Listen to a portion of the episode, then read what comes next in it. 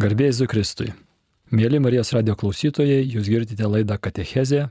Tęsime paskaitų ciklą Dvasinės ekologijos bibliniai ir teologiniai pagrindai, kurią vedu aš, vadovau Katalikų teologijos fakulteto dėstytojas Artūras Lukaševičius. Praeitą kartą žvilgtelėjome į pasaulio religijas, į tą dvasinį kelią, kurį žmonija keliavo nuo savo atsiradimo šioje žemėje, tai maždaug šimtas, galbūt truputį daugiau kaip šimtas tūkstančių metų jau tą kelią keliauja ir matėme, kad žmogus visada yra besiveržiantis į napusybę. Žmogui niekada negana vien tik tai materialaus gerbuvio, maisto, pastogės, reiškia, jis visą laiką kažkaip tai ieško kažko tai daugiau, jam, jam trūksta, reikia kažko tai daugiau. Taigi žmogus visada yra besiveržiantis į napusybę ir jam niekada nepakanka vien tik tai gerbuvio, maisto, pastogės, jam reikia visą laiką kažko tai daugiau. Ir tai buvo nuo pat pradžių tas nerimas, kviečiantis žmogų peržengti tik tai vien savo kasdienybę, savo tokios materialaus gerbuvio, kuris yra geras ir reikalingas, ribas ir ieškoti ir siekti daugiau. Ir mes žinome tą graži Švento Augustino frazė, iš kur tas nerimas ateina, viešpatė sukūrė mus savo ir nerami mano širdis, kol neras atilsio tavyje. Tai štai tas atilsis, kurio mes ieškome Dievuje ir kviečia mus ieškoti daugiau. Todėl žmogus yra tas homo religiozus, tas žmogus religingasis, besiveržiantis, beieškantis tos prasmės gilesnės, tos draugystės, kažko tai begalybės ieškantis žmogus yra. Ir štai šitoje vietoje norėčiau tokį padaryti trumpą interpelį, pristatyti katalikų bažnyčios požiūrį į pasaulio religijas. Kadangi truputį jomis remsiuosi, tai gali kartais rūpėti mūsų klausytojams, kokia jų vertė, jos, ar, jos, ar, ar galima katalikų jomis remtis, reiškia kokia jų vieta Dievo plane. Tai trumpai pristatysiu šitą klausimą. Katalikų bažnyčios požiūrį į pasaulio religijas pristatė, suformavo Antro Vatikano susirinkimas prieš 60 metų įvykęs, vėliau Katalikų bažnyčios katekizmas apibendrino tą požiūrį ir tas požiūris remiasi visų pirma pagarba. Štai mes žiūrime į pasaulio religijas su pagarba ir tų religijų išpažydėjus dėl dviejų priežasčių. Pirmoji priežastis tai yra ta, kad jie yra Dievo ieškantys žmonės. Jie yra žmonės, kuriuos Dievas pakvietė, kaip ir mus pakvietė ieškoti jo. Ir tas ieškojimas, besireiškintis jų gyvenimuose, jų religijose ir sukūrė tas religijas, tas veržulys ieškoti Dievo, taip kaip jie suprato, taip kaip jų kultūriniam aplinkoje, tam laikmetyje, kaip įsireiškia tas ieškojimas. Tai va pirmas toksai reiškia tas pagarbos elementas, mes turim žiūrėti į juos kaip į žmonės, kurie verti pagarbos, nes jie ieško giliausių atsakymų, tų svarbiausių atsakymų. Tada antrasis elementas, kuris reikalauja mūsų pagarbos, yra tai, kad pasaulio religijose Dievas veikia. Dievas veikia, nepaliko jų saveigai ir antras Vatikanas, perimdamas bažnyčios tėvų žodyną, įvardina tokį semina verbi terminą. Semina verbi tai yra Dievo žodžio sėklos, gėrio ir tiesos elementai, kurių yra Dievas sėja pasaulio religijose. Pasirodo, pasaulio religijose yra elementų tiesos ir gėrio, kurie atėjo iš to paties šaltinio Dievo ir specialiai Dievas tenais juos sėja tos elementus tam, kad jie ruoštų tas religijas Evangelijos pilnatvė. Reiškia, jos, jos yra parengimas Evangelijai tos Dievo žodžio sėklos. Tai va būtų tokie, reiškia, mūsų pirminis požiūris į pasaulio religijas ir tų religijų išpažinėjus tai būtų pagarba dėl šitų dviejų priežasčių. Dabar mūsų požiūris į pasaulio religijas remiasi tuo, kas yra tų religijų įkūrėjai. Ir tų religijų įkūrėjai yra labai drąsūs žmonės, kurie savo gyvenime įkūnijo tų religijų idealus ir tie idealai yra aukšti, kaip matėme, reiškia, juose yra iš Dievo ateinančių elementų, tų semina verbė. Tačiau tų religijų kuriejai yra vis dėlto žmonės, kad ir drąsūs, protingi, švario širdies, tačiau vis dėlto žmonės. Ir kadangi žinome tikėjimu žinome, kad Jėzus yra tikras Dievas ir tikras žmogus. Tai va šičia yra tas esminis skirtumas tarp krikščionybės ir kitų pasaulio religijų. Reiškia, kadangi krikščionybė yra Jėzaus atneštoji žinia, Jėzaus geroji naujiena pasauliui ir jis yra tikras Dievas, tai jo žinia yra kokybiškai skirtinga, krikščionybė kaip jo žinia yra kokybiškai skirtinga nuo visų kitų pasaulio religijų. Kadangi Jėzus yra pats Dievo žodis, tai jo žinia yra tiesos ir malonės pilnatvė. Kitai, kai jis atnešė, yra tiesos ir malonės pilnatvė.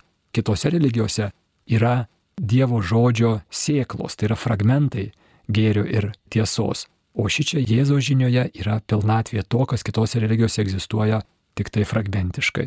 Tai va čia būtų tas katalikiškas požiūris, reiškia, mes žiūrime kitas religijas kaip turinčias tiesos ir gėrio elementų, tie elementai ateina iš to paties šaltinio Dievo, jie kreipia tas religijas į Jėzų Kristų ir Jėzuje Kristuje yra pilnatvė to, kas kitose religijose egzistuoja fragmentiškai ir taip pat antras Vatikanas sako, egzistuoja sumišę su trūkumais, klaidomis ir netobulumais. Kodėl trūkumai, klaidos, netobulumai? Todėl, kad tų religijų kurie yra žmonės. Jeigu jie yra tik tai žmonės, tegul ir labai protingi, įsilavinę, drąsūs ir, ir švariau širdies, bet vis dėlto tik tai žmonės ir jų žinia neišvengiamai turės tam tikrų netobulumų, tam tikrų trūkumų ir klaidų, nes visi žmonės neišvengiamai esame nuodėmingi ir silpni. Tai štai būtų jų religijos įkurtos Buda, Zaratustra, Laoce, Konfucijos ir kitos religijos, reiškia, neišvengiamai savyje turės gerų elementų ir kažkokiu tai trūkumų ir klaidų. Ir tie geri elementai esantis kitose religijose, reiškia, yra fragmentai to, kas Jėzuje Kristuje egzistuoja savo pilnatvės forma ir todėl krikščionybei nereikia būti papildytai kažkokiais tai elementais iš budizmo ar hinduizmo ar iš kažko tai kito. Reiškia, krikščionybė kaip Jėzaus žinia, kaip Kristaus žinia, savyje turi pilnatvę to, kas kitur egzistuoja tik tai fragmentiškai. Tai čia būtų toks trumpas katalikiškas požiūris į pasaulio religijas. Mes turim išlaikyti tą pagarbą kaip Dievo vaikai, Dievo mylimiems žmonėms kitose religijose, kuriuos Dievas kviečia į pilnatvę Jėzuje Kristuje ir mes turime būti tie įrankiai, kurie savo pagarbą ir džiaugsmu ir meilę pasitarnausime, kad jie pamatytų, jog Jėzaus žinia, tai yra krikščionybė, turi tą malonės pilnatvę.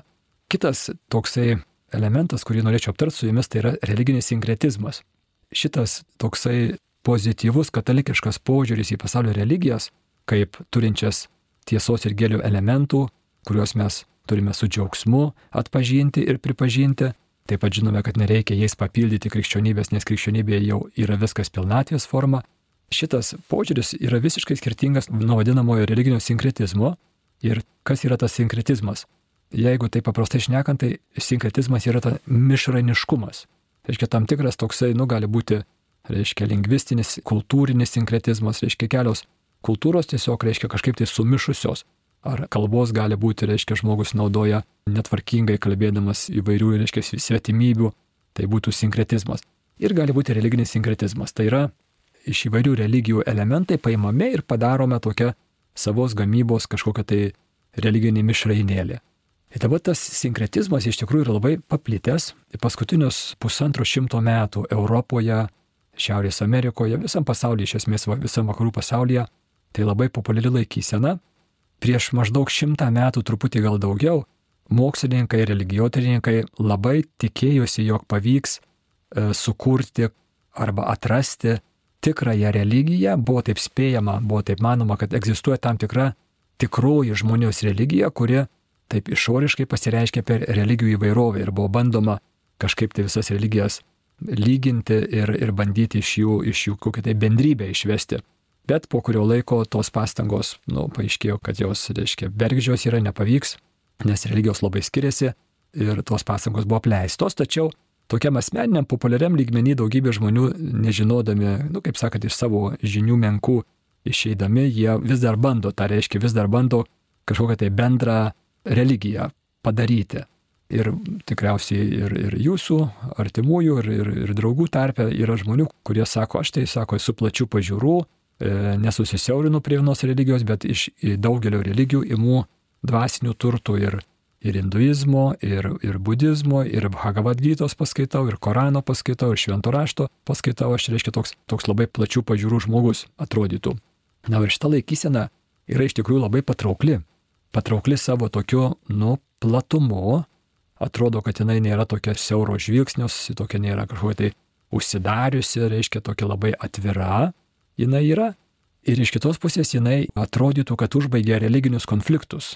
Reiškia, mes galime visur matyti dvasinių turtų, visose religijose tais turtais mėgautis ir, ir pasinaudoti. ir, reiškia, ir atrodytų tokia nu labai šviesi, džiugi, taikinga, pozityvi laikysena atrodytų. Ir jinai patraukly yra. Tačiau jos problema yra ta, kad jinai e, neišvengiamai veda į tokią požiūrį, kad visos religijos yra vienodai geros, kas tikrai labai dažna frazė ir jinai yra klaidinga. Visos klasikinės religijos nesutiktų su šitą frazę, reiškia, jos visos prieštarautų jai. Bet 20 amžiaus e, vakarietis, 21 amžiaus vakarietis, kaip sakant, vis dėlto tą tokią laikyseną užima. Ir ką jisai daro? Kadangi žmogus vis tiek turi tą dvasinį ilgesį, tą troškulį, jam rūpi dvasiniai dalykai ir, ir jo paties egzistenciniai dalykai, koks nors nerimas ar kančia skatina jį kelti žvilgsnį į dvasinius klausimus, tai jisai naudojasi, eina prie religijų. Tačiau suformuotas vartotojiškos kultūros, mes vakariečiai esame nu, taip, įmerkti į vartotojišką kultūrą ir jai pasiduoti yra labai sudėtinga, dauguma iš mūsų nu, neišvengiamai, visi esam kažkiek tai joje įmirkę, vieni daugiau, kiti mažiau. Ir štai dabar tas vartotojiškumas, reiškia, jisai pasireiškia ir mūsų prieimė prie religijų.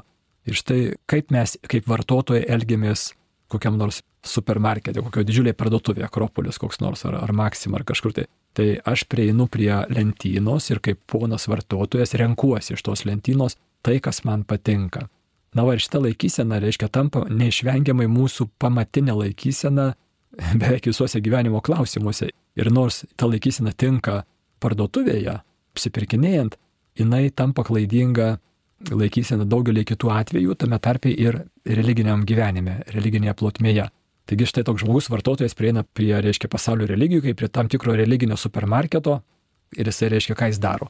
Jis renkasi kažką, tai reiškia, iš vienos religijos paima vieną elementą, sako, va čia gerai, čia man kažkaip tai padės, iš kitos religijos jisai renkasi dažniausiai tai, kas nuramina, paguodžia, sušildo, reiškia, tokie, nu, kadangi, kadangi gyvenam labai tokiam susvetimėjusiam pasaulyje ir nes vartotojiškas pasaulis neišvengiamai yra labai susvetimėjęs ir vis labiau svetimėjantis, tai reiškia žmonės ieško tam tikros paguodos, tam suraminimo, reiškia gyvenam neramiais laikais, neramybės laikais. Ir žmogus ieškodamas tos ramybės ateina prie pasaulio religijų ir renkasi iš pasaulio religijų, kas jį turėtų suraminti. Ir pasidaro tokį savos gamybos tam tikrą religiją, tokią neaukštos kokybės religijukę, reiškia, kurie turėtų tenkinti jo poreikius, tam tikrą paguodą teikti. Atrodytų, kad viskas labai kaip ir taip taikinga, gražu, pozityvu. Dabar šito religinio sinkretizmo didžioji problema yra tai, kad šitos religijos kuriejas esu galų gale aš. Kuriejas ir galutinis autoritetas esu aš. E, nes e, ateidamas prie krikščionybės, prie budizmo, prie hinduizmo, prie kitų religijų ir religinių raštų, kasgi yra tas galutinis autoritetas, kuris renkasi, kuris nusprendžia, ką paimsiu iš budizmo ir iš krikščionybės, o ko nepaimsiu. Esu aš. Kitaip sakant, aš prieinu prie Kristaus žodžių ir sakau, Jėzau Kristau, tu čia gerai pašnekėjai, teisingai pasakėjai, va šitoj vietoj, šitoj vietoj ir šitoj, tai aš paimsiu, o kitų tavo žinios elementų nepaimsiu, nes man jie atrodo, nu, neteisingi jie yra, jie, kaip sakant, galbūt tinkami buvo prieš 2000 metų, bet dabar jau jie yra ne, netinkami.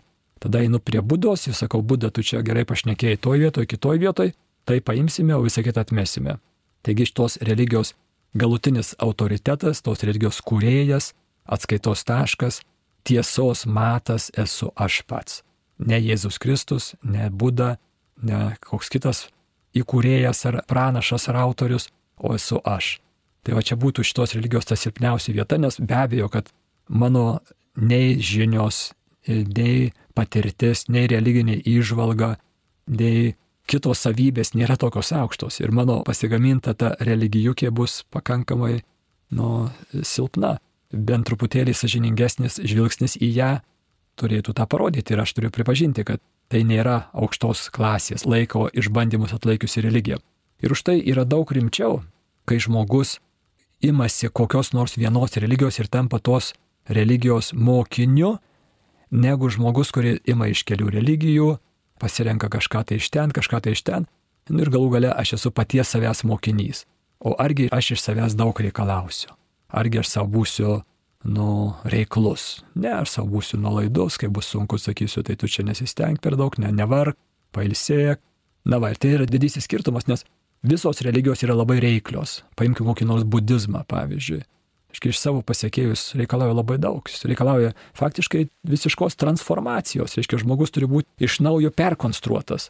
Didžiulio perkeitimo reikalauja budizmas. Ir faktiškai tikro budizmo vakaruose, nu, labai mažai yra. Nes vakariečiams reikia tam tikrų, nu, tokių, sakytume, popsinio varianto budizmo, kuris padėtų man gerai jaustis. Vat vakarai susirūpinę savo savijautą, savo psichologinę sveikatą ir jiem reikia gerai jaustis. Bet nei budizmas, nei hinduizmas tai yra trečielis dalykas, tas gera savijauta. Pirmiausiai rūpinasi, reiškia, tave žmogau visiškai perkeisti. Tu eini labai klaidingų kelių ir tave reikia sustabdyti nuo to įėjimo klaidingų kelių, tave reikia nukreipti teisingų kelių. Ir tai bus skausminga ir sunku ir brangiai kainuos ir užims laiko ir pastangų ir jėgų. Bet vakarietis nenori e, nei pastangų, nei laiko, nei jėgų duoti, jisai sako, man reikia gerai jaustis. Tai tas religinis sinkretizmas iš tikrųjų yra labai toks klastingas, nes, nes jisai patrauklus atrodo, toks atrodo labai plačių pažiūrų, įsilavinęs toksai žmogus, kuris, reiškia, tuo sinkretiniu keliu eina.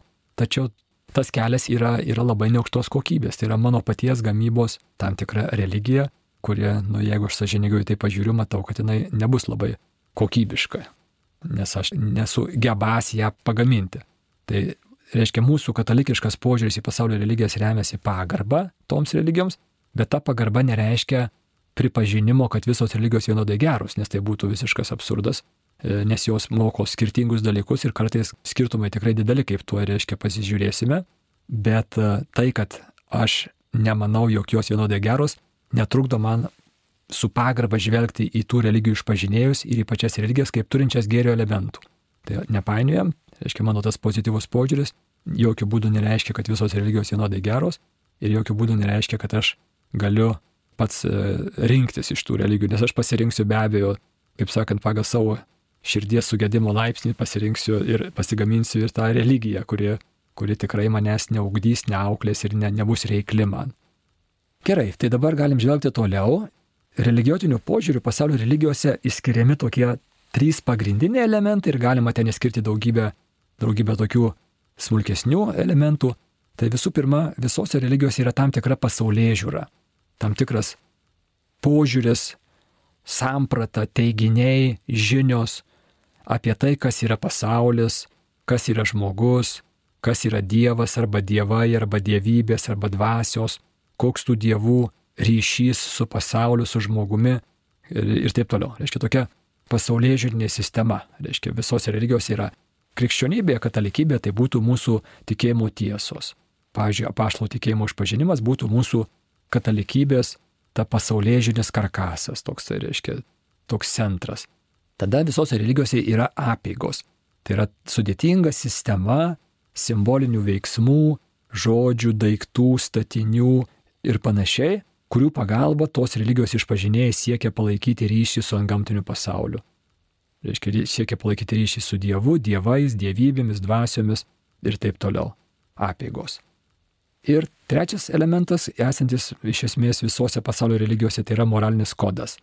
Moralinis kodas tai yra tam tikros elgesio taisyklės, kaip žmogus turi teisingai elgtis įvairiose gyvenimo situacijose.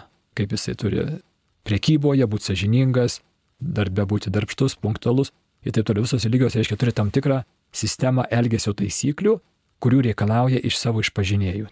Vadinamasis moralinis kodas. Na va, toliau yra faktas tai, kad įvairios religijos labai skiriasi savo pasaulyje žiūrą, tai yra savo samprotomis, kas yra Dievas, Dievai ir panašiai. E, labai skiriasi savo apieigomis. Tikrai skirtumai yra milžiniški, nesutaikomi, nesuderinami pasaulio religijos savo pasaulyje žiūra yra nesuderinamos, buvo, kaip sakiau, bandoma tą daryti, bet skirtumai yra tiesiog, reiškia, nu, iš esmės ypatingai ekstremalūs. Tačiau tos religijos, besiskirdamos taip stipriai pasaulyje žiūra ir apieigomis, labai mažai skiriasi pagrindinių moralės normų srityje. Reiškia, moralės kodas iš esmės pasaulio religijose yra labai panašus. Ir aš duosiu keletą pavyzdžių iš to moralinio kodo. Pats ankstyviausias, kurį religijoterininkai randa, moralės kodas yra labai senas, trečias tūkstantmetis prieš mūsų erą, senovės Egipte buvo, aiškiai, rašomi tokie religiniai raštai, kuriuos mes šiandien žinome kaip Egipto mirusiųjų knyga arba knygos. Ir tose Egipto mirusiųjų knygose buvo šalia įvairiausių tokių maginių ir okultinių ir tokių, nu, ankstesnio laikotarpio elementų religinių, yra labai aukšto lygio moralinės kodas, tai yra sąrašai taisyklių, kaip turėtų žmogus elgtis. Tie sąrašai taisyklių yra vadinamųjų neigiamų išpažinimų pavydalu, neigiami išpažinimai. Kas tai yra? Tai reiškia 20-25 amžiai prieš mūsų erą Egipto religijoje buvo tikima, kad po mirties siela eina į teismo salę, kurioje bus teisiama 42 dievybių, kurios atstovauja skirtingas, reiškia, pomirtinės karalystės sritis, Egipto sritis ir pomirtinės karalystės sritis. Ir reiškia, ir tada siela turi būti išteisinta kiekvieno iš tų 42 dievybių tam, kad galėtų patekti į laimingą pomirtį. Ir, reiškia, ir tik turtingieji žmonės galėdavo savo sudaryti tą sąrašą 42 išpažinimų, jis buvo sudaromas individualiai kiekvienam žmogui ir iš jų yra išlikę iki šių dienų, mes turime tuos kai kurios sąrašus išlikusius. Tai vieną aš jums truputėlį pacituosiu. Tai yra pakankamai vėlyvas sąrašas 13 amžius prieš mūsų erą, tos religijos kunigas Ani, jam buvo sudarytas toksai neigiamų išpažinimų sąrašas, kuriame keletą elementų aš paskaitysiu jums aš nevogiau, aš nežudžiau, aš nemelavau, aš nekeikiau, aš nepaleistuvavau, aš nesantykiavau su vyrais, aš niekam negrasinau, aš nekalbėjau šventvagyščių. Tai štai reiškia neigiamas išpažinimas, kuris egzistavo, va šitie išpažinimai iš esmės egzistavo jau 20-25 amžiai prieš Kristų Egipto religijose. Toliau. Hinduizmas visiškai kitoje pasaulio šalyje, visiškai kitame pasaulio krašte, Indijoje, Gango ir aplinkinių upių slėnyje 20 amžių prieš mūsų erą formuojasi hinduizmas, arijai veržėsi, užkariauja vietinius gyventojus, dravidus ir susiformuoja tai, ką mes šiandien vadiname hinduizmu. Ir štai hinduizme šalia jau pasaulyje žiūros ir labai sudėtingos ritualinės sistemos, apieigų sistemos, formuojasi, reiškia, moralinis kodas, vadinamieji susivaldymų sąrašai. 15 amžius prieš Kristų. Susivaldymų sąrašai būdavo šiek tiek skirtingi, tačiau juose visuose buvo štai šitie teiginiai. Visuose juose buvo nurodymai susilaikyti nuo smurto, melo, vogimo, seksualinio palaidumo, ką tai reiškia nesituokusiems susilaikymas, susituokusiems satokinė ištikimybė, persivalgymo, ir paskui keli kiti būdavo, jie truputį varijuodavo. Kita religija - budizmas. Šeštas amžius prieš Kristų, labai konkreti religija, įkurta aiškaus įkūrėjo, princas Siddhartha Gautama, šeštas amžius prieš mūsų erą, reiškia įkūrė budizmą ir jame yra moralinis kodeksas penkios disciplinos. Draudžiama žudyti, vokti, netinkamą seksualinį elgesį. Tai reiškia vienuoliams visiškas susilaikimas, kitiems lytiniai santykiai tik tai santokoje, Toliau draudžiama meluoti ir vartoti svaigalus. Tarp kitko, budizmas, pavyzdžiui, būdos įkurta, nu, budizmo mes ją laikom religija, bet iš tikrųjų joje labai stokojama svarbių religijos elementų, nėra jokių ritualų. Būdos įkurtajame mokyme ritualų nebuvo, jie atsiranda vėliau, kai kuriuose budizmo atšakose, vadin, Mahajanos budizme atsiranda ritualai, bet, va, reiškia, kaip skiriasi tos religijos. Jeigu hinduizme yra labai labai išplėtotas tas ritualinis gyvenimas, tos apėgos labai sudėtingos, jų labai daug, tai toje pačioje Indijoje atsiranda budizmas, kurioje visai nėra ritualų. Štai kokie didžiuliai skirtumai būtų. Jeigu hinduizme yra daugybė dievybių, kaip vieno e, brahmano pasireiškimai, yra iš esmės milijonai dievybių hinduizme, Tai Buda sakė, sakė, dievai nereikšmingi yra, jiem dėmesio visiškai neskirsim, nes jie žmogui nieko negali padėti kelyje į nirvaną. Ir štai kaip skiriasi čia pat esančios dvi religijos, dvi pasaulinės religijos ir pasaulyje žiūra ir paėgomis jos, nu, faktiškai nesutaikomai skiriasi. Toliau paimsime Inkų civilizaciją, Pietų Ameriką. Amerikos civilizacijos, reiškia, atsiranda gerokai vėliau negu Egiptas arba Azija tačiau jos keliauja savo kelionę praktiškai nepriklausomai, nes nebuvo, nebuvo tiesioginės įtakos nei iš Azijos, nei iš kitur. Tai reiškia, mes matome tas pačias dinamikas, tą patį vystimąsi, be, reiškia, be įsikišimo iš išorės iš esmės. Ir tai, kad jos atsiranda vėliau, nieko nekeičia. Reiškia, jos irgi mums labai įdomios, labai reprezentatyvios. Tai Ingų civilizacija, Pietų Amerika, 13 amžius mūsų eros jau iš tos religijos, jų civilizacijos religijos, trys moralės atramos - nevokti, nemeluoti ir netinginiauti. Judaizmo - dešimt dievų įsakymų, 14 amžius prieš Kristų, nu, jūs žinote, dešimt dievų įsakymų, trys pirmieji įsakymai reglamentuojantis santykiai su Dievu ir septyni likę įsakymai reglamentuojantys santykiai su artimu. Ir jie iš esmės kartoja tą patį - nežudyk, nevok, nepaleistuvauk, nemeluok ir, ir taip toliau. Tai iš esmės visą tai, ką mes jau girdėjome. Na va, tai dabar klausimas, neišvengiamai iškyla klausimas, kodėl? Kodėl taip stipriai e, skiriasi religijos savo pasaulyje žiūra ir apieigomis? Ir tas skirtumas pasaulyje žiūro ir apieigomis neišsireiškia į didžiulį skirtumą elgesio taisyklėse. Elgesio tas vadinamas moralinis kodas yra toksai vienodas, iš esmės tas pats, nors reiškia išeities sampratos atrodo tokios skirtingos. Kas yra Dievas, kas yra dievai, kaip dievai žiūri į pasaulį, labai skiriasi, o elgesio taisyklės yra tokios vienodos. Ir kodėl? Kodėl, reiškia, jos taip mažai skiriasi pagrindinių moralės normų srityje? Sakymų yra daug, buvo bandoma svarstyti vienaip ir kitaip, bet vis tiek galų gale atrodo, kad pagrindinis argumentas yra paprastas ir aiškus. Todėl, kad tų religijų moraliniai kodai buvo sudaromi nagrinėjant tą patį šaltinį, tai yra žmogų. Pagrindinės moralės normos buvo išvedamos atidžiai žvelgiant į žmogų, tai yra į tai, kas žmogus yra. Į žmogaus esmę, arba kaip mes ją vadiname, žmogaus prigimtį tos taisyklės tiesiog kyla iš to, kas žmogus yra. Lygiai taip pat kaip mūsų fizinis, materialus gyvenimas, ten, kur mes rasime žmogų, ar jisai gyventų e, Lietuvoje 21 amžius, ar jisai gyventų Egipte 5000 metų atgal nuo dabar matuojant, mes rasim žmogų, kuris kvepuoja oru, kuriam reikia miegoti, kuris valgo organinį maistą, reiškia ir, ir, panašiai. Žmogus visur yra žmogus, žmogaus kūnas iš esmės yra toksai pat, Reiškia, ir dabar atpaaiškė, kad yra kažkaip tai ir, reiškia, ir žmogaus tas kažkas tai kitas. Kažkas tai daugiau negu tik tai žmogaus kūnas, nes žmogaus elgesys, ta moralinė plotmė, pasirodo, kad irgi yra vienoda. Tai leidžia mums kelti klausimą, kasgi yra ta žmogaus esmė arba žmogaus prigimtis, kurie duoda tokius vienodus rezultatus. Reiškia, žiūrėdami į senovės egiptietį arba senovės budistą ar hinduistą, ar Konfucijos pasiekėją, ar bet kurį kitą žmogų, ar inkų civilizaciją, kuri visiškai geografiškai nutolus ir atskirta vandenynų nuo Azijos ir nuo Afrikos, kaip čia yra, reiškia, kad tas elgesio kodas yra tas pats. Taigi žmogaus prigimtis. Kas yra ta žmogaus prigimtis? Pagalvokime, kaip mes suprantam tą žodį, tas prigimtis. Lietuviškas žodis prigimtis kyla giminingas nuo gimtis, gimti, gimimas ir labai galim būti sakyti, kad reiškia prigimtis yra tai, ką mes turim nuo gimimo. Reiškia tai, ką mes gauname gimimu. Tai, ką mes turime iš gimimo, prigimtis. Teisingai, taip pat yra tiesa, kad prigimti, kažkokią tai prigimti turi ne tik tai tie kūriniai, tie dalykai, kurie gimė. Taigi, kas turi prigimti? Turi prigimti gyvi kūriniai taip pat prigimtį turi ir negyvi daiktai. Ir kokią prigimtį, pavyzdžiui, stalas turi. Stalas turi stalo prigimtį, sakytų filosofai mums. Ir čia gilios ir, ir plačios filosofijos, mes dėl praktinių sumetimų likime, reiškia, susisiaurinę prie gyvų, mums bus paprasčiau ir aiškiau.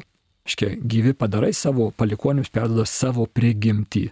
Reiškia, ar tai bus paukščiai, ar tai gyvūnai, ar augalai, jie perdoda savo palikonėms savo prigimtį. Tai yra tai, kas perdodame per gimimą reiškia per dauginimosi procesą mes perdodame tą komplektą savęs pačių. Reiškia, tai, ką turi iš prigimties žmogus, perdoda kūdikiui žmogaus prigimtį. Tai dabar kas yra ta žmogaus prigimtis? Paprastai šnekant, tai būtų ta žmogų sudaranti visuma. Tas e, visas komplektas, kas sudaro žmogų, kas sudaro būtybę vadinamą žmogus. O kas yra tas komplektas, kas yra ta visuma? Tai eisime dabar prie biblinio supratimo. Biblinio požiūrių žmogų arba žmogaus prigimtį sudaro du pradai. Sudaro materialus kūnas, labai paprastai ir aišku, mes visi jį matome, turime jį, jį medicina studijuoja ir kiti gamtos mokslai studijuoja mūsų kūną. Ir Biblija sako, žmogus turi dvasinę sielą. Materialus kūnas ir dvasinė siela susijungia, sudaro žmogų. Žmogus yra kūno ir sielos vienovė, sako mums katekizmas. Tokiu būdu žmogus priklauso dviem pasauliam iš karto. Jisai yra ir materialiam pasaulyje per savo kūną dalyvaujame mes materialiam pasaulyje ir per savo dvasinę sielą mes dalyvaujame dvasinėme pasaulyje. Kai mes esame dviejų pasaulių gyventojai vienu metu.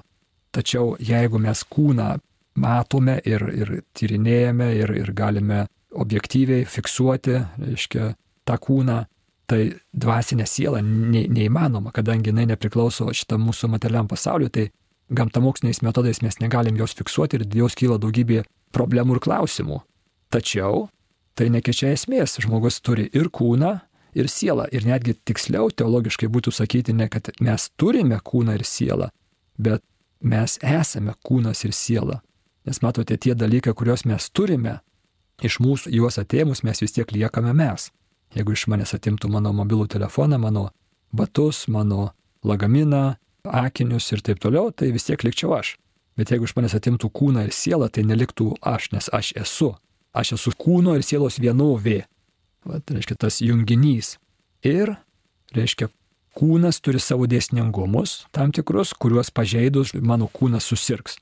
Reiškia, visi medicininiai, mano, reiškia, man reikalinga mytyba, kokybiškas maistas, reikia laiko eiti miegoti, valandų skaičius tam tikras, vitaminai reikalingi ir taip toliau. Reiškia, kūnas yra tam tikros, reiškia, prigimties, kuri yra tokia, o ne kitokia ir jai reikia tokio maisto, o ne kitokio, tiek valandų miego, o ne kitokio valandų skaičiaus.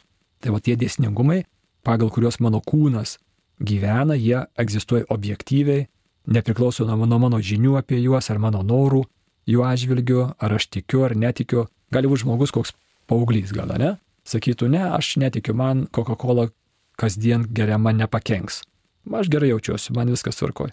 Nu, tai mes žinom, kad dabar nepakenks, bet jeigu tu kasdien gersi Coca-Cola po litrą, tai tada po 10 metų arba 20 metų nu, skrandžio problemos jau labai galimos yra. Ir nepriklauso nuo to, ar tu tuo tiki ar ne. Tas paauglys gali sakyti, aš to netikiu. Niekas nesikeičia. Tie dėsniai, tavo skrandžio dėsningumai egzistuoja objektyviai, nepriklauso nuo tavo žinių apie juos ar tavo norų. Tie dėsniai kyla iš to, kas tavo skrandis yra. Iš jo prigimties kyla. Iš to, kad jis yra toks, o ne kitoks. Ir mūsų kiti organai lygiai taip pat. Tuos dėsnius nagrinėja medicina ir daug kitų mokslų. Pažeidus tuos dėsnius mes pakenkiam savo kūno sveikatai, nepriklausomai nuo to, ar mes to tikime, ar to norime ir taip toliau. Tai va lygiai taip pat mūsų dvasinis pradas, mūsų siela irgi turi savo dėsningumus, kurie egzistuoja nepriklausomai nuo to, ar mes to tikime ar netikime, ar norime ar nenorime. Ir tie dėsniai kyla iš to, kas žmogaus siela yra, kyla iš tos sielos prigimties, iš to, kad jinai tokia yra, o ne kitokia yra tuos dėsnius nagrinėja ir juos gilinasi pasaulio religijos, tame tarp ir krikščionybė, ir pažeidę tuos dėsnius mes pakenkėme savo sielos veikatai, nepriklausomai nuo to, ar mes tuo tikime ar netikime, ar mes to norime ar nenorime. Ir žmogus gali sakyti, aš esu ateistas, aš netikiu, kad siela yra. Nesvarbu, vis tiek tu turi sielą, visi turi sielą, taip pat ir ateistai. Ir reiškia, ar tu juo tikė, ar tu tikėt, kad turi, ar ne, tai nieko nekeičia. Lygiai taip pat kaip tikėjimas kad Žemė yra plokščia, nepakeitė jos, nepadarė jos plokštesnės prieš 500 metų ar, ar panašiai. Reiškia, Žemė yra tokia, kokia jinai yra, mūsų siela yra tokia, kokia jinai yra ir mūsų tikėjimas arba norėjimas arba žinojimas apie ją nieko nekeičia. Jinai yra tokia, kokia jinai yra. Jinai turi savo dėsningumus ir pažeidus tuos dėsningumus mes pakenksime savo sielos sveikatai, lygiai taip pat kaip pažeidę savo kūnų dėsningumus mes pakenksime savo kūno sveikatai. Tai štai čia būtų tas esminis elementas, kodėl reiškia visų pasaulio religijų tie moraliniai kodai yra tokie vienodi. Jie visi sudaryti žvelgiant į žmogaus dvasinį pradą, atidus žvilgsnis gana greitai parodo, kad pavyzdžiui godumas kenkia mano džiaugsmui. Reiškia, pastebėkite, godus ir pavydus žmogus, reiškia, jisai, jisai liūdi, kad kitas turi daugiau. Ir, ir tai mažina mano gyvenimo džiaugsmą, mažina mano sielos, reiškia, sveikatingumą. Ir visos pasaulio religijos, kadangi jos rūpinosi žmogaus dvasinė sveikata, visos jo žvelgia į žmogų atidžiai tam, kad pamatytų tam tikrus dėsningumus. Ir tie dėsningumai išsireiškia per tuos vasarašus, pradedant nuo Egipto tų neigiamų išpažinimų, einant toliau per Aziją, ir, ir toliau atėjome iki biblinių religijų ir toliau, niekur, niekur nenaisim toliau visur, kur tik sutiksime žmogų, mes rasime tą patį, tą patį sąrašą, tą pačią situaciją. Visur yra žmogus su savo kūnu ir su savo siela ir jisai rūpinasi savo kūno sveikata ir savo sielos sveikata ir tos taisyklės yra tos pačios. Tai šiandien dienai bus tiek, klausyties laidos Katechezė, laidą vedžiau aš, Katalikų teologijos fakulteto dėstytojas Artūras Lukaševičius. Likite sveiki.